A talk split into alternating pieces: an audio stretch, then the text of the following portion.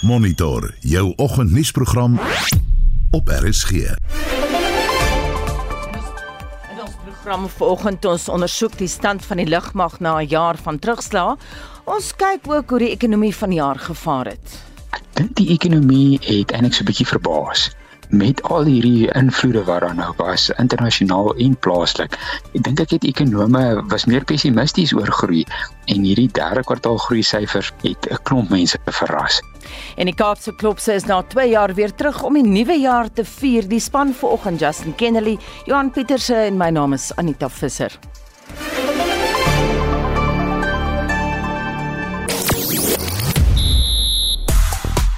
Goeiemôre Suid-Afrika. In sportnuus vanoggend, twee nederlae is 'n bitterpil vir die Proteas. Die Brasiliaanse sokker-ikoon Pelé sterf in die ouderdom van 82. Die volledige sport volg bietjie later. Dis Christo Gawie vir RSG Sport. Die jaar is byna verby en baie mense slaak 'n sug van verligting. Dit was 'n moeilike jaar met beerdkrag en sommer algehele agteruitgang in Suid-Afrika. Ons wil egter vanoggend by jou weet, wat is jou hoogtepunte van 2022? Nou ja, dit kan iets wees wat jou persoonlik geraak het of iets wat in die land gebeur het. Deel jou goeie nuus storie met ons deur 'n SMS te stuur na 45889. Onthou dit kos R1.50 of praat saam op Monitor en Spectrum se Facebookblad.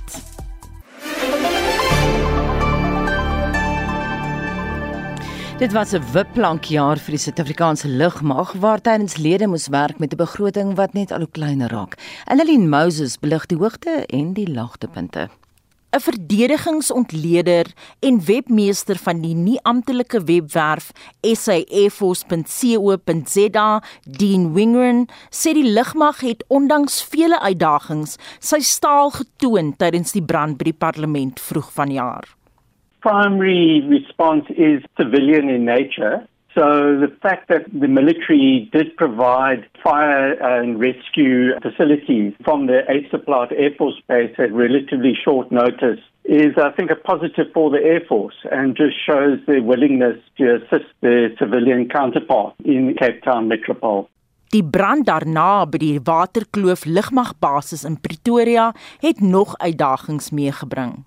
After thorough investigations, I think it was found that this was caused by a spark from the wiring to some of the pumps, and that ignited the fire and uh, caused a small explosion. Unfortunately, as a result of that, the military aircraft could no longer refuel at Waterkloof until uh, that could be fixed. But uh, so they just hopped across the road to Swartkorp and other nearby bases to refuel. Wingren sê dit is 'n klad op die naam van Tesorie en die regering dat die Gripen vegvliegtuie sedert September 2021 steeds gehok is. When the contract ran out, Armscore was trying to negotiate with the original equipment manufacturers, namely Saab for the airframe and GKN for the engine, to somehow find a way to keep the fleet airworthy and uh, maintained, but within the very tight fiscal constraints that the SAF has. And unfortunately, running an air force is not cheap. It's an expensive business. And it took well over a year for negotiations to be fruitful. And even then, when the contract was signed fairly late this year, the SAF still couldn't afford to keep its entire fleet upgraded. Dan is spanne vir opleiding na Kiba gestuur waar hulle glo nie oogtoetse geslaag het nie. Dit nadat hulle reeds aan 'n streng keuringsproses in Suid-Afrika onderwerp is. When they got there, the Cubans decided to undertake another round of uh, medical vetting. And one of these involved a rapid eye test in which the Cuban doctor held a ballpoint pen in front of a student and rapidly moved this to and fro in front of the student's eyes and determined that quite a large number of the students were not medically fit for flying. And uh, then spent quite a number of months in Cuba doing such menial tasks as cutting grass with fungus and so on before finally coming back Wingren sê die politieke wil ontbreek om die lugmag 'n terugkeer te laat maak na sy glorieryke dae. The Air Force and the Defence Force has been in a decline for well over a decade now. It's very easy to put this down to a lack of budget. Treasury is in charge really of the budget, but the ultimate masters of, the budget and Treasury is Cabinet. And uh, year on year, not only in real terms, but in nominal terms as well, the budget for the Air Force is decreasing. Dit was die verdedigingsontleder en webmeester van die nie-amptelike webwerf saforce.co.za, Dean Wingren. Ek is Annelien Moses vir SAK nuus. En ons bly by die storie en vir sy kommentaar praat ons nou met professor Abel Esterhuise van die fakulteit Kragskunde aan die Universiteit Stellenbosch. Goeiemôre. Goeiemôre Anita. Abel, jy het nou geluister na Annelien se verslag. Die verslag fokus onder meer op die feit dat die grootste deel van die begroting bestee word aan salarisse. Ja, uiteraard. Ek dink die daar's daar's twee belangrike punte uit die verslag uit. Die een is die verwaarlosing van die begroting deur die politici, eh uh, verdedigingsbegroting in die algemeen, die lugmagbegroting in die besonder. Dis die een punt en die tweede punt uh, natuurlik is hoe die lugmag self daardie begroting bestee en wat hulle doen met daardie begroting as hulle die geld ontvang het. Mm hoe belangrik is ons lugmag in terme van die oorhoofse weermag? Wel die lugmag vervul 'n kritiese rol. Ons ons kan nie sonder 'n lugmag klaarkom nie. Jy weet uh, daar's daar's sekere take wat net 'n lugmag kan vervul. Ehm um, die belangrikste waarskynlik see en berg redding, uh hulp met met uh vloede en en en ander ehm um, gevaar uh, toestande waarin Suid-Afrika dikwels bevind die die verkenning rondom ons kuslyn wat net met lugmagte gedoen. So daar's funksies wat die lugmag wat net die lugmag kan doen, geen ander instelling kan dit doen nie. Ons kan nie sonder 'n lugmag klaarkom nie. En die lugmag doen goeie werk. Mhm. Mm nou daar is in die vorige insetsel verwys na vegvliegtye wat steeds gehok is, maar daar is kritiek Abel dat Gripen vegvliegtye aangekoop is eerder as swaar vragvliegtye en helikopters wat ons meer benodig. Stem jy saam met daai kritiek? Absoluut. Ek ek dink die die weermag, uh, jy weet daar's in binne die lugmag altyd 'n 'n tipe fascinering met met 'n lugoormag en en vegvliegtye. Maar ek dink ons lugmag sit met wat hulle na verwys is 'n strategiese beplanningsgaping tot die mate toe dat ons vleg vegvliegtye aangekoop het in 'n era toe ons moes uh vragvliegtye aankoop en ons helikopters moes aangekoop het. Want as jy nou gaan kyk met die na die lugmag se strategiese beleiding met die taak van die weermag in die algemeen dan is dit juis vragvliegtuie en helikopters wat ons nou dringend benodig.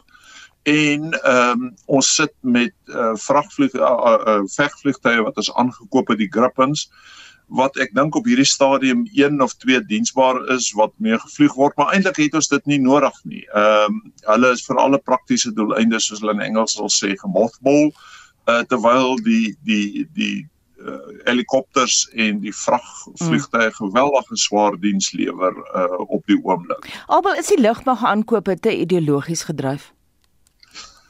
Ja, ek uh, ideologies is is miskien een uh, manier om dit te beskryf. Ek dink die besluite rondom die aankoop van die wapentransaksies in die in die vroeë 90s uh, in die laat 90s vroeë 2000s was doeteenvoudig tot 'n groot mate te gedoen uh met die Bosoorlog nog in gedagte en hulle het prioriteit verleen aan die lugoormag komponent en hulle het vegvliegtuie aangekoop in 'n era waarin ons juis met vredesoperasies uh en ander ondersteunings uh samelewingsondersteuningsoperasies uh, besig gaan wees wat eintlik ehm um, vragvliegtuie vereis en wat eintlik helikopters vereis en ek dink 'n mens moet na die oorhoofse strategiese rol van die lugmag gaan kyk.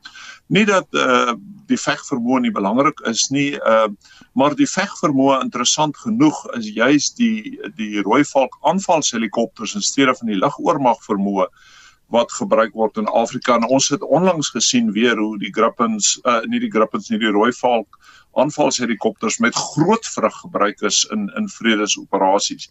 Ehm um, so ek dink daar's 'n probleem met die strategiese beleiding van die weer eh, van die lugmag op die oomblik en en die uitrusting wat hulle het. Hmm. Ehm um, miskien is dit tyd dat ons dink daaraan om van die Grippens te verkoop en en meer helikopters en vragvliegtuie aan te koop. Albel ek sien nou ons Hercules vragvliegtuie is die B-variant. Nou dit uh, strek terug na die 60er jare, stokoud. Ja, ons ons vragvliegtuie is baie baie baie oud. Ehm um, ek dink daar's een of twee van ons C30 Hercules vragvliegtuie wat uh, op enige gegee gegee tydstip operasioneel is. Inderdaad, ehm um, die die variant wat ons gebruik is in die vroeë 1960s aangekoop. Ek weet daar was onderhandelinge met Brittanje en met ehm um, die FSA oor die vervanging van ons B variant met die die nuwe opgedateerde uh, J variant. Ehm um, niks het ongelukkig daarvan gekom nie en ek weet nie hoe ver daai transaksie en die onderhandelinge is nie, maar dit is krities dat ons vragvliegtuie kry op die oomblik moet ons ongelukkig uh, daardie funksie tot 'n groot mate toe uitkontrakteer en ons maak van privaat instellings gebruik. Maar uh, ons lugmag moet 'n vragvermoë hê en op die oomblik het ons nie die vragvermoë wat ons moet hê nie. Uh wat eintlik baie hartseer is. Boonop klaar luitenant-generaal Malambo dat die gebrek aan diensbare vliegtye, die opleiding van vlieëniers strem, beteken dit hulle soek nou elders groener weivelde? Ja, die die die uitkontraktering van uh opleiding is uh, 'n hoogs kontroversiële aangeleentheid uh en tot 'n groot mate toe blyk dit uh ideologies gemotiveerd te wees met Rusland en Kuba wat uh die opleiding gee. Maar ek dink die punt wat ons hier moet maak is dat die begroting het 'n tipe van 'n domino effek in terme van die onderhoud en instandhouding van uitrusting, ook basisse wat in stand gehou word. Ons het uh, brande gesien op uh, basisse met kritiese infrastruktuur wat nie nie in plek is nie. Dat dit 'n 'n knock-on effek in terme van die kontrakte wat met die voorsieners en die onderhoud ehm uh, instansies ehm uh, uh in stand gehou moet word. Uh diensbaarheid van vliegtye uh kom en dan natuurlik, jy weet, ons ons moet begin kyk na die ouderdom van ons vliegtuigvloot in die algemeen wat uh nie baie goed is nie. Ons sal iewers baie ernstig moet aandag gee aan aan die ouderdom van ons vliegtye. Ek verstaan dat die Algeriërs se lugmag uitstekend is. Hoe vergelyk Suid-Afrika se lugmag met ander in Afrika? Ja, dis 'n interessante vraag. Uh jy weet Afrika het hierdie hele spektrum van van lugmagte. Um ons lugmag doen nog wat dit moet doen, maar ek dink as jy na Suid-Afrika se rol binne Afrika kyk, dan kan jy nie ons lugmag op dieselfde vlak plaas as waar Suid-Afrika diplomaties opereer nie. En ons uh, lugmag vergelyk nie goed op die oomblik met wat jy in lande soos Algerië en Angola en Egipte uh, en ander streeksleidende lande uh, in in Afrika sien nie. En en dit is nie goed nie. Dit doen nie Suid-Afrika se beeld goed nie. Uh, dit dit ondermyn ons vermoëns. Um, ons sit nou weer met 'n probleem in Angola waar uh, lig uh, vermoëns van kritiese belang is. Jy kan nie 'n teeninsurgensie operasie doen sonder 'n lugvermoë nie. En ons het dood eenvoudig nie die nodige lugvermoëns om uh, ondersteuning te verleen aan aan die operasies daar nie. So ja, ons het 'n goeie vermoë. Die finansies is nie daar om ons vermoë en ons vliegtye in die lug te hou nie en dit is 'n kritiese probleem. Jy sê nou die finansies is nie daar nie. Is daar die politieke wil om die lugmag minder ideologies te bedryf? Wat is die pad vorentoe? Ja, die die die lugmag uh, sit maar met dieselfde probleem as die weermag in die algemeen en jy weet uh, 'n mens moet vra vra rondom wanneer is 'n verdedigingsbegroting nou genoeg en groot genoeg. Daar's lande in Afrika wat 'n baie kleiner verdedigingsbegroting as Suid-Afrika het en wat eintlik uh, baie goeie uh, en effektiewe weermagte bedryf tot 'n groot mate toe sit ons in ons weermag met 'n uh, 'n wanbalans in terme van die hoofkwartier komponent van ons weermag en die operasionele komponent. Ehm um, en dat ons nie genoeg van ons begroting in ons operasionele komponent insteek nie, steek nie. Maar daarmee saam is daar nie die die politieke wil of blyk dit dat daar nie die politieke wil is om regtig iets te doen aan die weermag se operasionele vaardigheid nie. Ehm um, en en jy kan dit nie doen sonder begroting nie en ons sit met uh met 'n probleem uh wat ons verdedigingsbegroting aanbetref en net die politici en hulle alleen kan uh iets daaraan doen um of hulle besluite rondom begroting ideologies gedrewe gedrewe is of nie weet ons nie maar die punt is daar kom nie genoeg geld na die weermag toe om te doen wat gedoen moet word nie Die lugmag blameer die probleme oor 'n gebrek aan 'n behoorlike begroting, maar dit trek half mense aandag af van die eintlike probleme of hoe? Ja, ons ons moet verstaan dat 'n begroting ehm um, 'n gebrek aan begroting het uiteindelik 'n tipe van 'n domino effek uh tot die mate toe dat dit die die die opleiding van personeel raak uiteindelik raak dit uh, die vliegure wat uh wat uh, die vlieëniers nodig het om hulle vlieglisensies te behou. Jy weet dat die die aantreklikheid van die lugmag as 'n loopbaan uh word kom in gedrang. Ehm um, vlieëniers is 'n groot aanvraag in die privaat sektor en baie van hulle verlaat dood eenvoudig die die lugmag. En dis nie net vlieëniers nie, dis ook die tegniese personeel wat die vliegtye in stand moet hou. So die die begroting en die die feit dat lugmag dat die lugmag nie vlieg nie, ehm um, het op die ou end belangrike institusionele en organisatoriese uh, uh, gevolge wat baie baie moeilik is om te herstel en om om te draai as dit eers uh, ingedrang kom. Baie dankie en daai mening kom van professor Abel Estreise van die fakulteit Kragskunde aan die Universiteit Stellenbosch. Die ekonomie draai gewoonlik om groei, werkskepping en die inflasiekoers. Volgens professor Waldo Krugel, ekonoom by Noordwes Universiteit, sal 2022 onthou word vir 'n aantal gebeure wat 'n beduidende invloed op Suid-Afrika se ekonomie gehad het. Ek dink die jaar gaan onthou word vir 'n klompie groot gebeure wat die ekonomie beïnvloed het.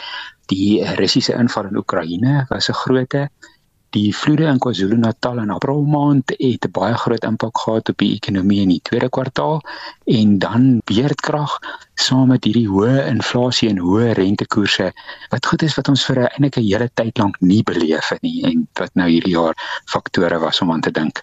Hoe het dit die ekonomie beïnvloed? Byvoorbeeld die oorlog in die Oekraïne was goed vir kommoditeitspryse. Dit het eintlik ons mynbousektor baie goed laat vaar en landbou het ook voordeel gekry het hoë pryse uit.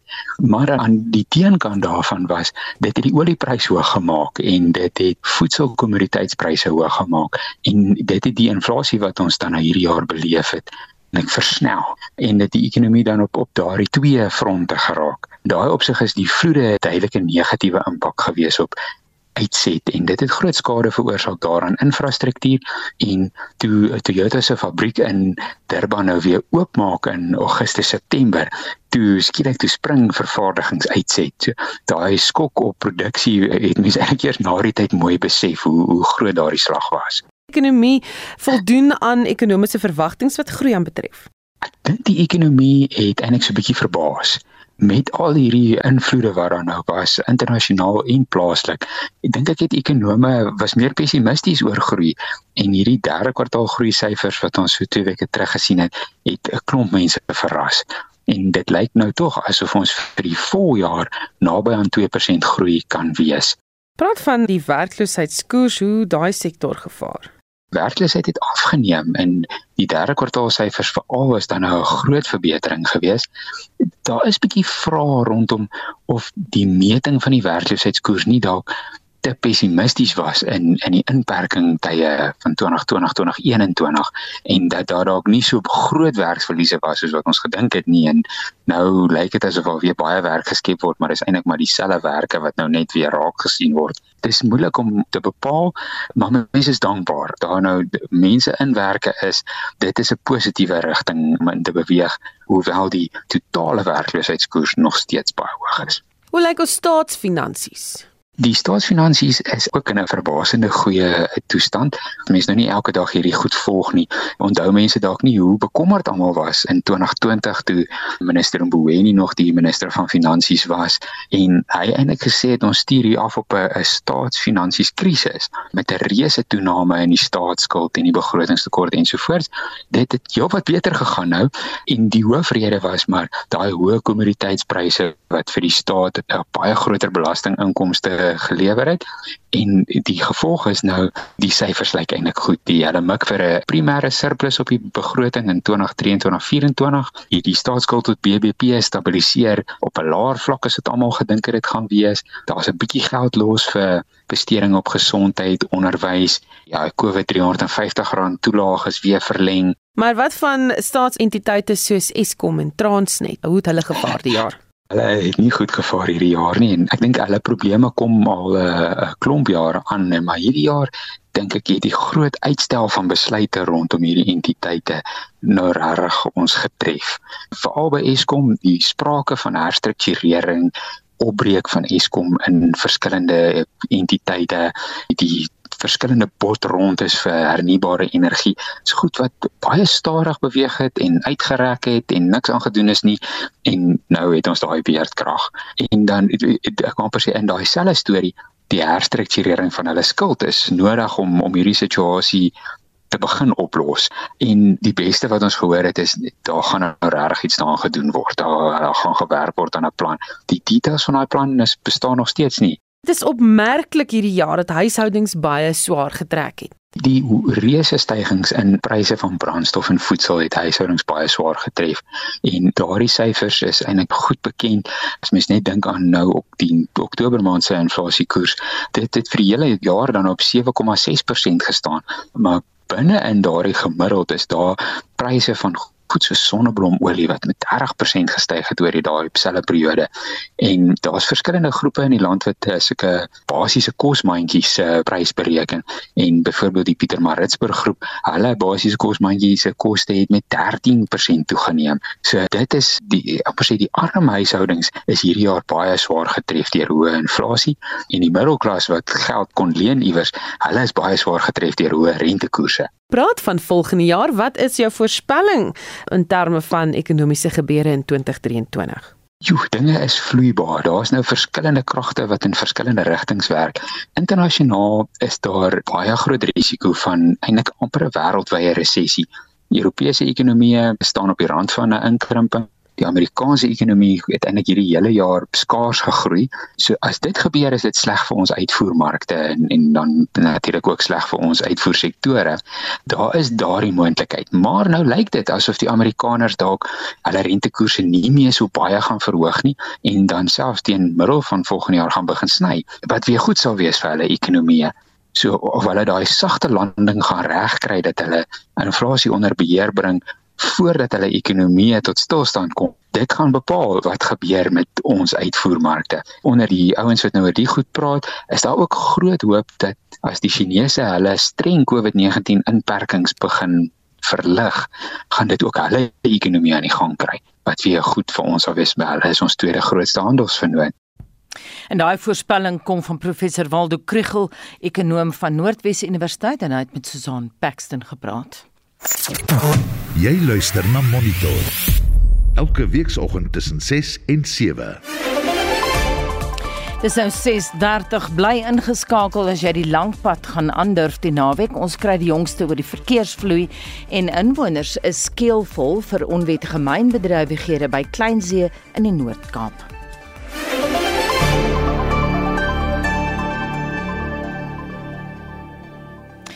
Verkeer op die N3 tolkonsessie tussen KZN en Gauteng begin toeneem soos wat motoriste terugkeer huis toe en ander weer hulle weg kus toe vind. Die drukste verkeer word van Saterdag 31 Desember tot Dinsdag 3 Januarie verwag. En ons praat nou met die bedryfshoof van die konsessie, Tanya Dugra. Good morning. Hi, good morning, Anita, and good morning to your listeners. We saw over the Christmas weekend that uh, a lot of people were going down to the coast. We've also had problems with drinking and driving. What have been the main problems that you've seen? Um, well, what we have seen is a lot of single vehicle crashes, and that typically tends to lend itself to, you know, driver negligence or ineptitude on the route. Um, also, you know, just with the extreme volumes of traffic we're seeing and the severe differentials between them, that also lends itself to some unsafe driving when drivers tend to take chances, overtaking when it's unsafe to do so. That's been some of the major things we've seen. But we, the route has been extremely busy, and we're, as you said earlier, we are expecting that that is going to be the case again from tomorrow, in particular, ahead of the New Year's weekend and into the New Year. So, you know, just advise motorists once again to please, please, please share the road responsibly and drive carefully. Tell me, have you seen a lot of motorists being very tired driving? You know, here after here we say, don't drive when you're tired, take a break. Is that a big problem? Not that we've, not from the statistics that we have available, unfortunately, but you are correct, and that is one of the reasons why we are recommending that road users stick to the rule of stopping at least every 200 kilometers or every two hours or as soon as they feel themselves beginning to be fatigued, because fatigue is obviously one of the biggest causes of incidents as well. Tell me, Tanya, are people wearing these safety belts? From what we're seeing, yes. Thank you very much dit dan uh, Tanya Dugra bedryfshoof van die N3 tol konsessie. Nou vir meer oor wat jy op die Wes-Kaapse roetes kan verwag, praat ons nou met die kommunikasiehoof van die Departement Openbare Werke en Vervoer in daai provinsie, Jandrey Bakker. Goeiemôre weer eens. Môre Anita. Ek het gister met jou gepraat en uh, jy het kommer uitgespreek oor mense wat drink en bestuur en jy was ook baie bekommerd oor voetgangers Jandrey. Nou vooroggend in ons nuusbulletin het RSG verwys na die feit die afgelope lang naweek was daar 37 padsterftes in die Wes-Kaap. 20 voetganger verwant. Wil jy weer daai boodskap en daai pleidooi van gister van jou herhaal? Aan luisteraars, jy het ook gesê mense moet helder klere dra. Asseblief. Ehm um, dit is 'n voertuig kan jou net uh kan net 'n voetganger vermy indien die voetganger kan sien. So dis belangrik dat helder klere gedra word. Ons kom agter dat baie van veral die jong mense loop met oorfone. Dit jy kan nie hoor as daar verkeer aan aankomende verkeer is nie. So is baie belangrik vir ons dat die dat die voetganger hulle deel doen, ook om nie paaie oor te steek waar dit nie wettig is om te doen nie. Ons sien baie keer voetgangers op snelweë wat absoluut teen die teen die reëls van die pad is. Uh en dan gisteraand het ons net so voor 09:30 weer 'n gruisame treffend trap gehad um, op die N7 by Morningstar. Dit is ongelooflik belangrik dat ons verstaan as iemand as iets gebeur, mens is paniekerig, uh, maar as dis belangrik dat jy verantwoordelikheid neem vir jou dade en nie wegren nie, jy maak dit net vir jouself moeiliker. So dit bly vir ons 'n fokus. Uh, ook weer eens as ons by drink en bestuur kom, dit bly 'n fokus. Ons het 'n redelike klomp van daai inhegtenisname oor die afgelope naweek gehad. Ons het gister genoem vir van die 110 wat ons reeds in hegtenis geneem het net in verlede week en dan kyk ons nou nog na die groot dae wat op pad is. So daar ons is uit ons, ek weet die stad Kaapstad en ons munisipale ouens is ook uit met 'n geen toleransie uh, eh, benadering nie en ons kyk na ons ver, verkeersvolumes wat ook toeneem. So jou jou die kanse dat daar voetgangers gaan wees is groter. Die kanse dat jy dus ehm, 'n um, voetganger gaan kry wat 'n kans gaan vat is groter. So wees asseblief op die uitkyk daarvoor. Ja, Andre, wat is die gevaarlikste roetes? Roetes wat mense dalk moet vermy? Ek gaan nie sê in die Weskaap moet jy roetes vermy nie want dit is oral daar's oral soveel mooi plekke wat ons wil besoek. So kom ons kom ons hou by die mooi gedeelte daarvan. Maar as ons gaan kyk na ons ehm um, getalle en ons en ons verkeersvolumes, gister was die N2 redelik ehm um, redelik besig geweest. As ons kyk die N2 by Grabouw gister so 1 uur se kant was daar 1300 voertuie per uur wat uh, rigting oos gery het 710 rigting wes so stad in maar dan kyk ons dan as ons dan na die R43 kyk was daar 914 voertuie per uur op daai pad. So dis duidelik dat die ouens die kusgebiede kusgebiede besoek. En as ons dan kyk na die N1, uh, ag by N2 by Furlands was daar 2100 voertuie uh en dan kyk ons by Stilbaai 1115 voertuie op pad rigting Heidelberg en 1073 op pad Albertinia toe. So dit wys net vir ons dat die ouens is redelik op die N2 in die vakansietyd, maar ons verwag die pieke op die N1 van vandag af soos vir die laaste ouens nou weer die volgende groep uh, vakansie of huis toe gaan uh, N1 na die ander provinsies toe. Baie dankie dit aan die kommunikasiehoof van die Wes-Kaapse Departement van Vervoer Jan Rey Bakker en ons bly in die Kaap. Die moederstad skud sy vere reg vir die jaarlikse Kaapse Klopse Karnaval en Maleier kore wat weer te sien sal wees. Die kore sorg môre tot Sondag 1 Januarie vir groot vermaak en die geleentheid begin om 09:30 die aand tot die vroeë oggendure op die hoek van die Groot Parade en Darlingstraat, asook by die kruising van Rose en Kastlestrate in die Bo-Kaap. Die burgemeesterskomitee lid vir veiligheid en sekuriteit, JP Smith, het meer inligting oor die strate wat by beide geleenthede gesluit sal wees. Die stad van Kaapstad is baie trots dat na meer as 2 jaar van inperkings verbonde aan die COVID-pandemie dat die Kaapse Klopse Karnaval hierdie jaar weer kan voortgaan en dat besoekers beide van binne Suid-Afrika as ook internasionaal hierdie ongelooflike karnaval kan meedeel. Dit gaan op die 2 Januarie gepaard met verskeie padsluitings, meeste waarvan begin 6uur of 7uur of 8uur die oggend en wat deurgaan tot 10:30 die aand ingeslote Darlingstraat, Salaris Pas, Canterbury, Harrington, Buitenkant, die Paradestraat, Corporation Straat, Plainstraat, Adderley Straat, Houtstraat en dan later ook strate deur ander gedeeltes van die stad waar daar stop and go sisteme is wat die verkeersdepartement sal behartig en die pad sluit en oopmaak soos wat dit nodig is ingeslote Buitengragstraat en Waalstraat, Tennantstraat en Keisergragstraat en Langstraat en Waalstraat. Ons vra dat alle motoriste en besoekers aan die Kaapstad se middestad op die 2 Januarie asseblief net geduldig is met hierdie padsluitings. Dit is nodig om te verseker dat die gebeurlikheid veilig kan plaasvind en ons maak alle pogings om te verseker dat dit so min moontlik impak op inwoners en besighede het. Dit dan die Kaapse Burgemeesterskomitee lid vir veiligheid en sekuriteit, JP Smith en ons gaan terug na die verkeersvloei op ons paaie en fokus op die N1 en die N4 tolkonsessie. Ons praat nou met 'n woordvoerder van die Bakwena tolkonsessie, Shamaine van Wyk. Good morning. Hi, good morning. How busy are those roads? Currently, um, we are still under 1,500 vehicles per hour at present, although we are expecting this number to climb significantly, probably from around about mid morning today.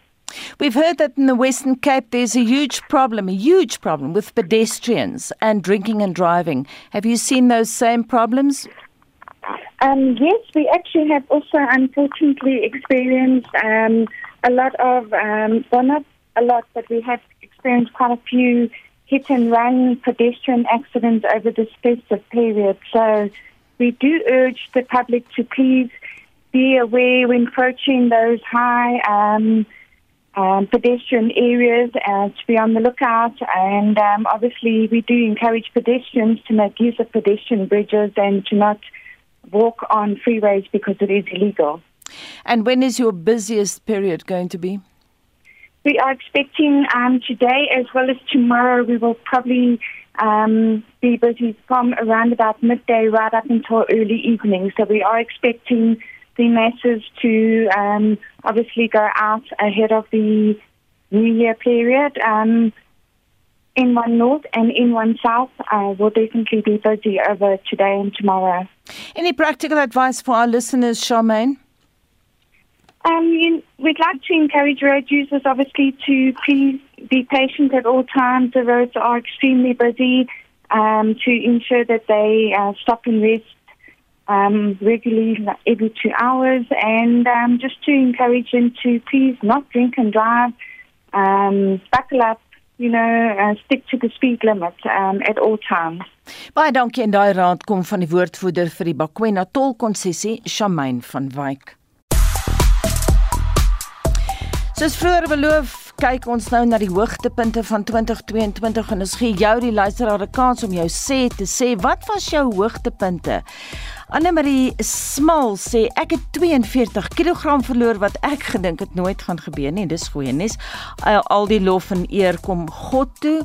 En dan skryf Koos Groewe, dogter is verlief verloof en getroud. Nooit gedink dit sal met die beroepsvrou gebeur nie. Hy sê nie wat haar naam is nie, maar baie geluk van ons kant af en dan Kobus Becker.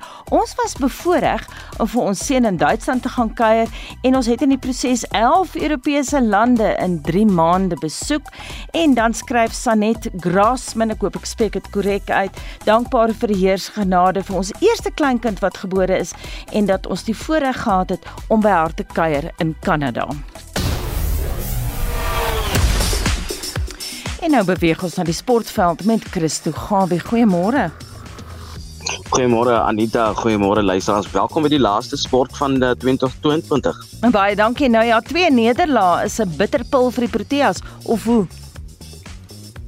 Ja, die Proteas se kaptein Dean Elgar sê die span hoop om van hulle verlore aansien te herwin wanneer hulle na die afgelope twee verloortoetse op die 4de Januarie in Sydney in hulle derde toets teen Australië te staan kom.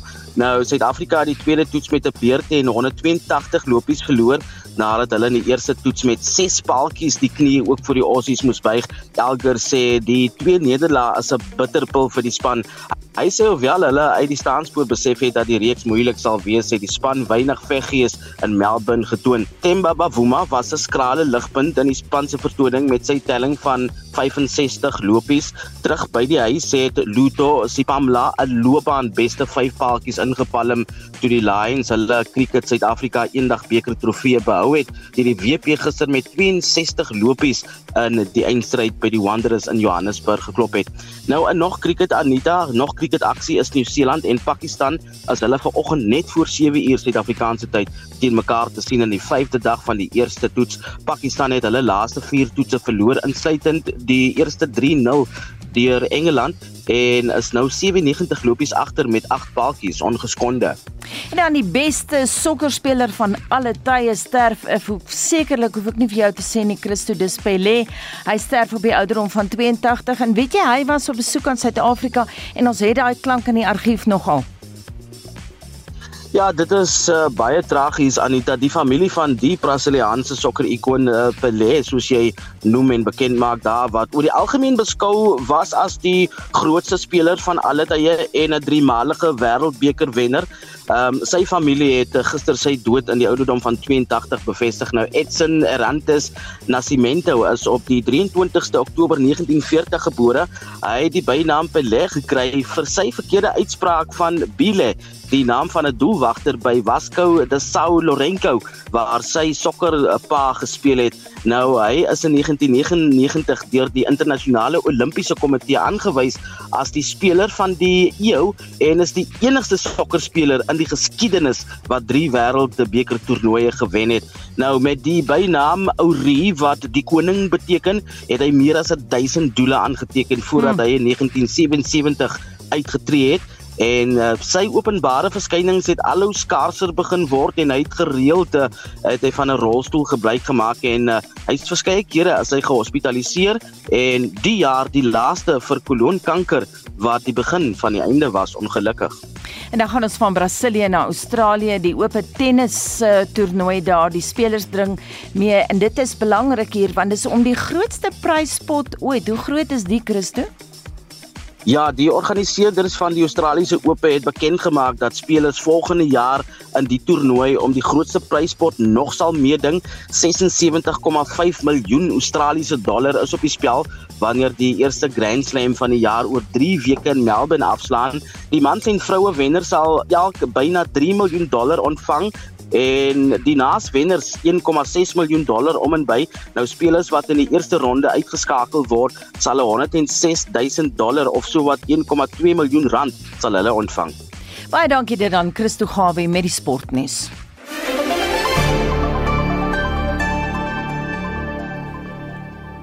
Baie welkom by Monitor. My naam is Anita Visser en Annelien Moses sluit nou by ons aan vir 'n blik op wêreldnuus gebeure. Annelien, nie moeilik om te raai wat die groot nuus vanoggend is nie. Pelé in die ouderdom van 82 dood. Nou, hy word beskou as die grootste sokkerster van alle tye. Ja, dis met 'n tikkie weemoed wat ons vandag moet sê Pelle het in die Albert Einstein Hospitaal in Sao Paulo gesterf omring deur sy familie. Hy het meer as 1200 doele in sy loopbaan aangeteken en die Brasiliaanse regering het intussen 3 dae van rou afgekondig. Joe Wilson van die BBC berig. He spent 18 years with one club, Santos, averaging nearly a goal a game. By 1975, he was in the United States, the ultimate acquisition for a new league hungry for glamour. The league didn't last, but Pele still thrilled New York. After football, he took on ambassadorial roles, commercial opportunities, and naturally collected recognition. And Pele expressed no regrets. If I have to, to do everything again, again since I was born eh, until now, I would do everything again and I thank God. Dit daardie woorde van die legendariese Pelé wat sokker as die pragtige spel beskryf het. En dan nog hartseer nuus is dat die modeontwerper Damien Westwood op 81 in Londen dood is. Ja, Westwood is bekend vir haar onkonvensionele ontwerpe wat groot opslag gemaak het sedert die 70er jare. Dit is wat 'n argivaris en groot versamelaar van Westwood se skatte, Steve Caddis, te sê gehad het oor haar korsette. I liked it because Westwood, since the beginning, always put uh, men's and women's in corsets, so it didn't really matter what the gender of the models, and that's really important to me. And I think one of the most iconic ones would be one of the Wallace collection, the actual paintings that you see in the Wallace collection in London. And so this is originally from 1991. And back then, a woman of color was wearing it on the runway. So also diversity, gender bending, all that, you know, made Vivian Westwood so important to me. Dit was 'n groot versamelaar van Westwood se ontwerpe, Steve Caddis. En dan nog Russiese lugaanvalle het ongekende skade aan die nasionale kragnetwerk in Oekraïne aangerig wat talle streke nou sonder elektrisiteit gelaat het. Ja, Anita van die stede wat die ergste deurgeloop het is Kiev, Kharkiv en Odessa. Die burgemeester van Kiev, Vitali Klitschko, sê hulle hou moed. The Russians want to bring depression especially right now, Christmas time, New Year. The, the Russians want to bring us to, to black time. Ukrainian people very angry, and they told better we stay without electricity and without heating, but we never give up. Dit was die burgemeester van Kiev, Vitali Klitschko. Intussen sê Oekraïne se hoof van intelligensie Kirill Budanov dat Rusland se missielvoorraad byna uitgeput is, maar hy sê hy besef die aanvalle gaan nie sommer stop nie. They will try to continue them. Can they do this for long? No, because they do not have many missiles left. Their defense industry is incapable of producing enough missiles to sustain the same scale of strikes. This is another reason they're trying to get missiles from other countries. Dit was Oekraïne se intelligensiehoof Kirillo Budanov. En dit was Annelien Moses met 'n oorsig van wêreldnuus gebeure. Inwoners en grondeienaars by Kleinsee in die Noord-Kaap is bekommerd oor onwettige mynbedrywighede in die gebied. Die gebied is bekend vir diamante en die voorsitter van die Kleinsee Grondeienaarsvereniging, Atti Boshoff, het saam met ander belanghebbendes 'n griefskrif opgestel en aan die owerheid oorhandig. Goeiemôre Atti. Goeiemôre. Sê vir ons wat is daaraan gebeur? Maar baie dankie vir die geleentheid. Uh, gaan my net geleentheid om so 'n bietjie agtergrond te gee rondom die situasie. Dit is 'n redelike komplekse situasie, so ek gaan my bes doen.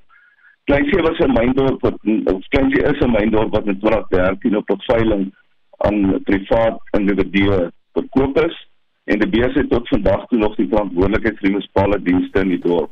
Aangesien die beoogde oorname deur Namakwa munisipaliteit nooit plaasgevind het. En dit is deel van by wat bydraende faktor tot ons probleem. Die huidige dorpstatus van Kleinsee is onbekend aan die gemeenskap en sloer ons nou al sloer hierdie situasie nou al die laaste 10 jaar. Mm, die situasie met die onwettige delwers gaan daar rondom dat hulle beset onwettig persele in die dorp, veral een wat by die port nolle werk is, uh wat dus geen sanitasie geriewe beskik nie. Nou jy kan vir jouself dink as daar 1000 of 2000 mense op daardie perseel is, of is daar net 100? Ja ja. Ati, hoeveel hoeveel is daar? Hoeveel van hierdie onwettige delwers is daar nou? Het jy 'n idee? Is dit wissel van tyd tot tyd gegee oor die tyd van die jaar, so so kort rukkie terug was daar seker 'n goeie 1000 mense daar. Hmm. Uh op die huidige stadium sal ek sê is daar seker so 2 op 300 van hulle.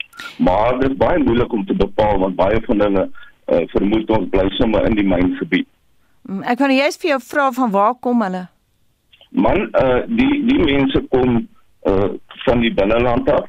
Uh met die polisie optredes die afgelope tyd het ons uh, die inligting gekry dat dit uh, gesoekte kriminele is wat van die van buite af kom. Die ware se beter weg wegtrekplek is in Kleinsee as ook onwettige immigrante. Uh as hulle 300 mense arresteer, daar ten minste 100 van hulle onwettige immigrante in in, in Suid-Afrika. Jy het nou verwys jy na die polisie gee hulle goeie samewerking? Nee, die realiteit is dat die polisie uh ons is 'n uh, uh, 'n 12 ure polisiestasie wat sewe uur die aand toe maak uh met uh die die grootste gedeelte van die mynbedrywighede om die grys te verwyder vind in die nag plaas met een mens of een polisman aan diens in die nag uh hulle is totaal uh, nie in staat om hierdie situasie te bestuur nie en en indien ons hulle kontak uh dan is dit 'n situasie hulle is te bang om uit te kom want uh, hulle is bang die onwettige delwers brand die polisiestasie af hulle vrees vir hulle lewe. Hmm. Adi het nou verwys na die toiletgeriewe en die probleme daar met ander by die probleme met die infrastruktuur wat hierdie mense meebring, maar wat van in terme van veiligheid, wat 'n soort van risiko hou hulle in vir die inwoners van Kleinsee? Ek ek dink die die realiteit is wat ons gesien het in die res van die land. In die verlede was dit Namakwaland mense wat hier gemyn het, maar nou is dit uh, kriminele en georganiseerde misdaad uh as ook onwettige immigrante. En en die die probleem is as hulle nie diamante kry nie wat gaan gebeur en met die polisie stasie wat so onderbeman is nie regtig ons kan help nie. Is die gemeenskap maar 'n bietjie uitgelewer aan hulle self. Mens wil nou nie sinies wees nie, maar jy sê die probleem strek terug na 10 jaar toe. Aan wie julle nou die griefskrif uh, oorhandig en gaan dit regtig help dink jy Attie? man die realiteit is ons gaan hom vir die vir die vir die plaaslike uh, polisie gee. Uh, ons gaan hom ook uh, provinsiaal nasionaal eskaleer. En dan is daar ook die mynmaatskappye De Beers, West Coast Resources wat verantwoordelik is vir hierdie situasie. Uh met myne wat net uh, uh gelos is. Uh en en die met ander woorde die toegangsroetes word nie beveilig nie. Die persele word nie beveilig nie. Uh So dit is 'n dis 'n baie moeilike situasie en dis hoekom gesê het dis 'n komplekse situasie wat jy op verskeie vlakke moet aanspreek. En die BMR wat die mynlisensie gee is ook verantwoordelik vir hierdie situasie. Jy sê nou at jy dit provinsiaal en nasionaal aangespreek, het jy 'n spertyd gegee? Ja, dis spertyd van 14 dae gegee uh, vir terugvoering uh om te sien wat wat gaan gebeur, maar ons ons as gemeenskap sê baie duidelik dat hierdie is die eerste stap van die proses. Dis die begin.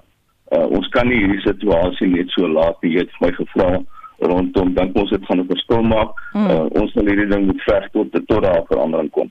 Nou ja, ons sal saam met jou daarna kyk. Dit dan die voorsitter van die Kleinsee Grondeienaarsvereniging in die Noord-Kaap, Atti Boshoff.